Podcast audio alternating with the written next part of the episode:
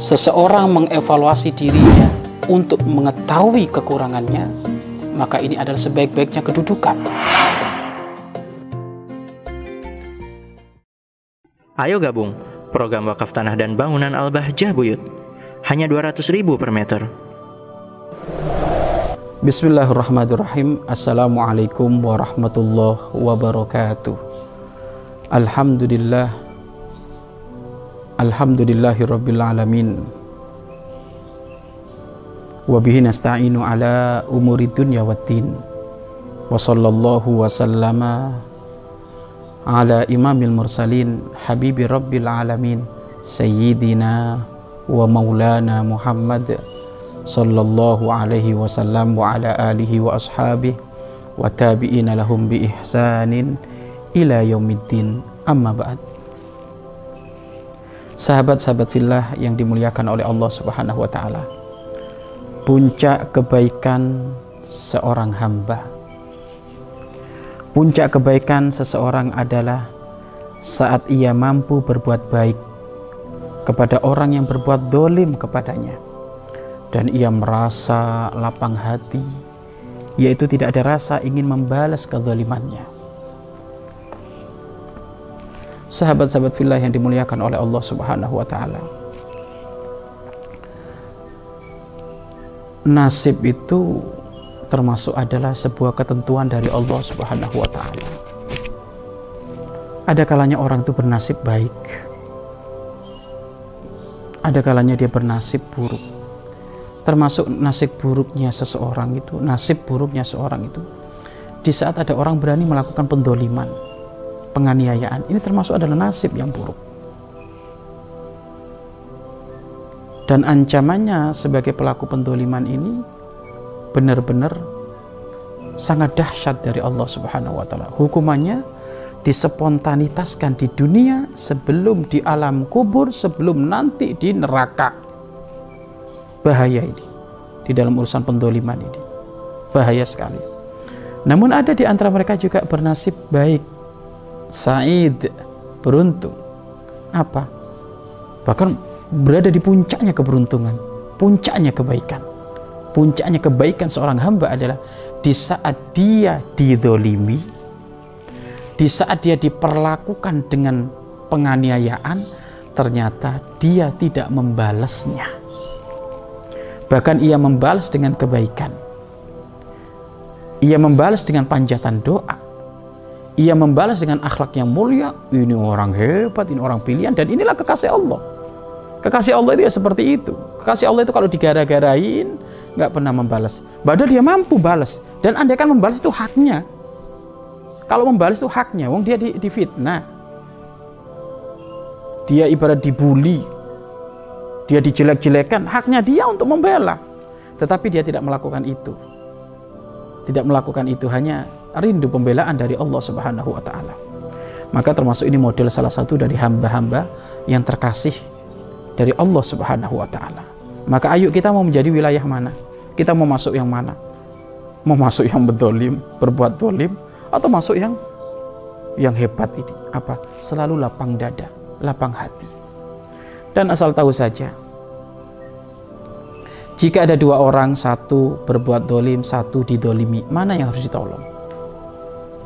Yang harus ditolong bukan yang didolimi. Kenapa? karena yang didolimi ini ini hitung-hitungan pahala terus di hadapan Allah. Yang didolimi ini hitung-hitungan pahala terus di hadapan Allah ini yang didolimi ini. Difitnah harga dirinya dijatuhkan ya kan?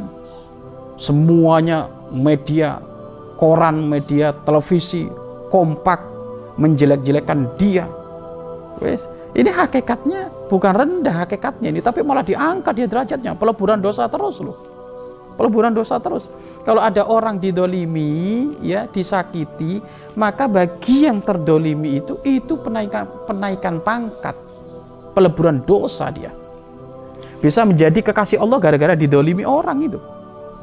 Dan ingat, dakwatul madlum mustajabatun doanya orang yang terdolimi mustajab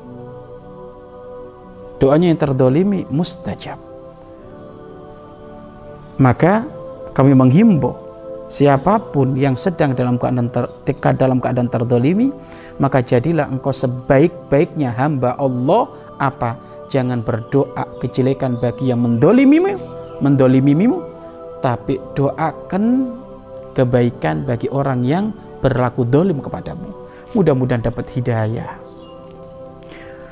mudah-mudahan dipilih oleh Allah mudah-mudahan diampuni oleh Allah nah ini ini maka kamu mengambil wilayah ini ya wilayah pilihan jadi siapa yang harus kita kita tolong kalau ada orang yang, antara pendolim dan orang yang didolimi?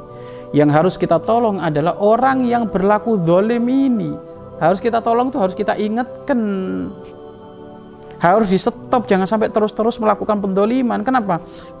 Karena terus-terus engkau di dalam melakukan pendoliman, itu akan menjadikan sebab kamu masuk neraka yang paling dalam. Hati-hati. Makanya kalau tiba-tiba ada penguasa dolim, ada penguasa dolim, ya harus stop kekuasaannya biar tidak berlaku dolim terus loh. Menyetop kekuasaannya itu dalam irama menolong dia untuk sadar segera kembali kepada Allah. Ya kita stop. Kalau memang ternyata dia kaya raya, kaya raya, mampu segala-galanya, sehingga dia mampu berbuat dolim, yuk kita stop kekayaannya. Agar supaya tidak berlaku pendoliman. Nabi Musa alaihissalam pernah berdoa meminta kepada Allah tentang keberadaan Fir'aun. Fir'aun itu kan penguasa dolim. Dengan jabatannya dia sewena-wena membunuh anak kecil laki-laki. Di negaranya tidak boleh hidup kecuali anak perempuan. Anak laki-laki nggak boleh, kenapa? Karena dia terpengaruh dengan seorang peramal bahwasanya akan menghancurkan nanti anak laki-laki. Dengan hartanya dia semakin dolim maka saat itu Nabi Musa alaihissalam berdoanya apa? Ya Allah bukan binasakan Fir'aun, tidak. Ya Allah hancurkan harta kekayaannya. Hancurkan jabatannya. Binasakan. Kenapa? Karena ini sarana prasana berlaku dolim. Tidak minta dihancurkan Fir'aunnya. Barangkali Fir'aunnya setelah diambil hartanya, setelah diambil kekuasaannya itu akan menjadi tobat, akan akan akan masuk kepada pengikutnya Nabi Musa. Makanya Nabi Musa berdoa apa? tolong ya Allah binasakan, ambil hartanya, kekayaannya, pangkatnya, pengikut-pengikutnya ini ya Allah stop semuanya. Biar dia merasa dirinya adalah orang yang lemah, akhirnya dia tobat kembali kepadamu. Bukan ngomong ya Allah hancurkan Fir'aun saja, hancurkan enggak enggak seperti itu.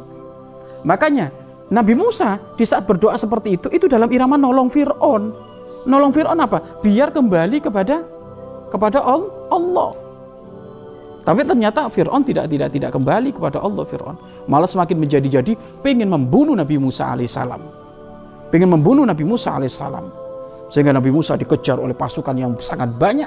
Sehingga tidak ada tidak ada celah bagi Nabi Musa untuk menghindar kecuali saat itu dihadapkan antara di depan laut di belakang prajuritnya Fir'aun yang sudah membawa pedang yang berkilap-kilap itu pedang yang sangat tajam maka apa yang saat itu yang harus dilakukan oleh Nabi Musa? Karena Nabi Musa adalah kekasih Allah, beliau pasrah kepada Allah Subhanahu wa taala. Inilah para kekasih Allah itu walaupun didolimi kayak apa pun Allah akan menolong dia.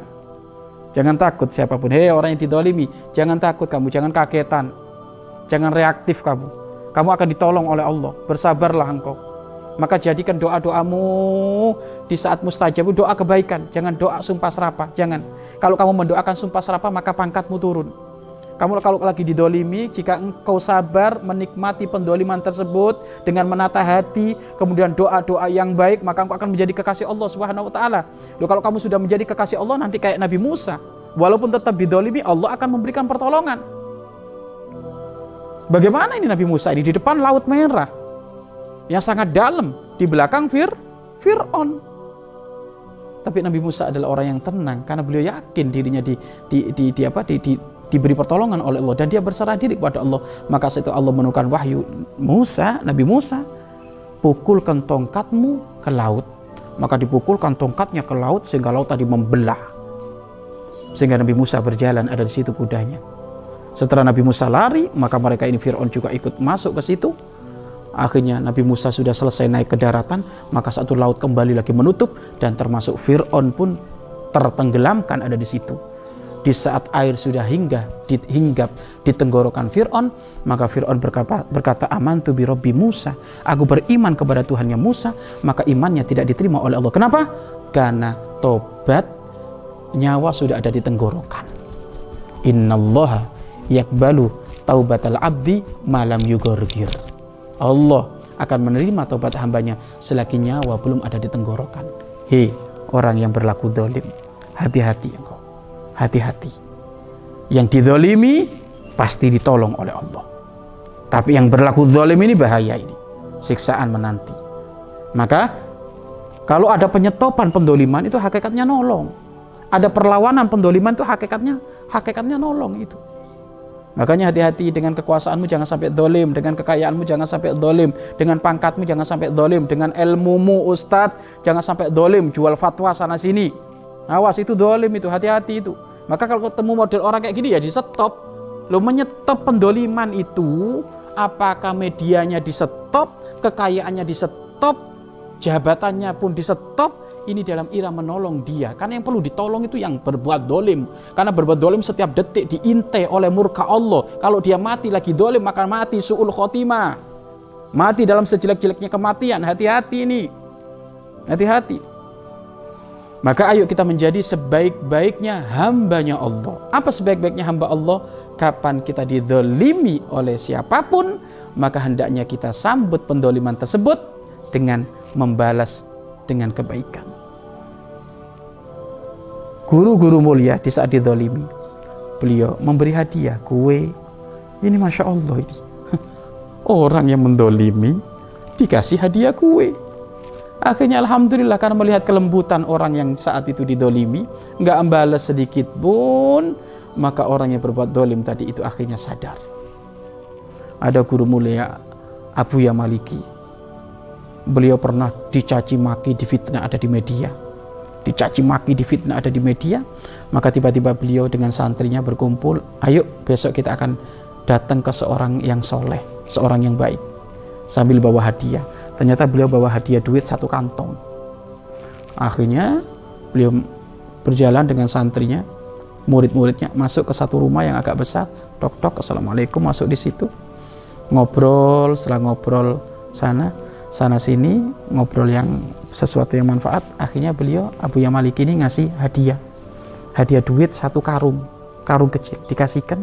Tiba-tiba orang tadi itu langsung memeluk Abu Yamaliki Ya Allah, engkau memang cucu Rasulullah. Engkau memang adalah orang soleh, orang baik. Aku sudah berbuat dolim kepadamu. Engkau datang dengan sopan santunmu, dengan kebaikanmu. Tidak ada kalimat caci maki pun marah kepadaku. Bahkan kau telah memberi hadiah uang ini. Maka santri-santrinya bingung. Oh ini orang yang suka mencaci maki. Ini orang yang ternyata yang ngeser-ngeser di media hal-hal yang nggak benar tentang Abu Yamaliki. Oh ini ternyata sama Abu Yamaliki bagaimana? beliau didatangi di silaturahmiin dikasih ibarat tata cara ngobrolnya Abu Yamaliki dengan baik terakhir dikasih hadiah ini loh orang-orang soleh itu seperti itu nah kira-kira kita mau jadi yang mana atau dikit-dikit kagetan oh kalau didolimu langsung wah lawan lawan lawan. Nggak boleh kayak gitu. Ya. Boleh kamu melawan tapi dengan kelembutan. Boleh kamu lawan dengan dengan sifat agung baginda Nabi Muhammad Shallallahu Alaihi Wasallam. Maka ayo kapan engkau didolimi maka inilah sikap yang kau harus tampakkan adalah menyambut itu semuanya dengan kebaikan.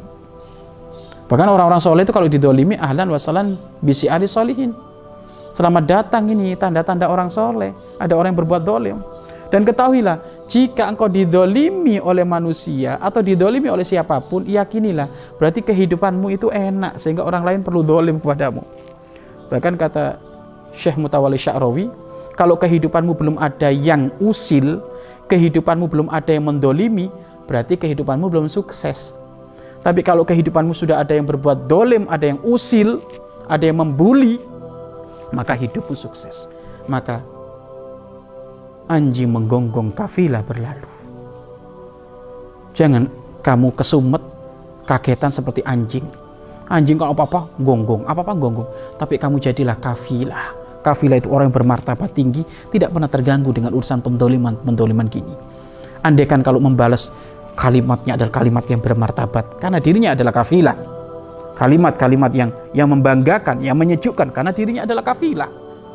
Maka jangan kau biarkan mereka anjing yang selalu menggonggong, lagi lapar nyari duit menggonggong sana sini, lagi mencari ketenaran menggonggong sana sini, lagi mencari kepercayaan menggonggong sana sini, tapi engkau adalah menjadi menjadi seorang kafilah yang punya wibawa lebih, yang kau akan dianggap oleh seseorang dengan kesabaranmu tatkala engkau difitnah. Wallahu a'lam bishawab. Mari berinfak untuk operasional lembaga pengembangan dakwah Bahjah Buyut.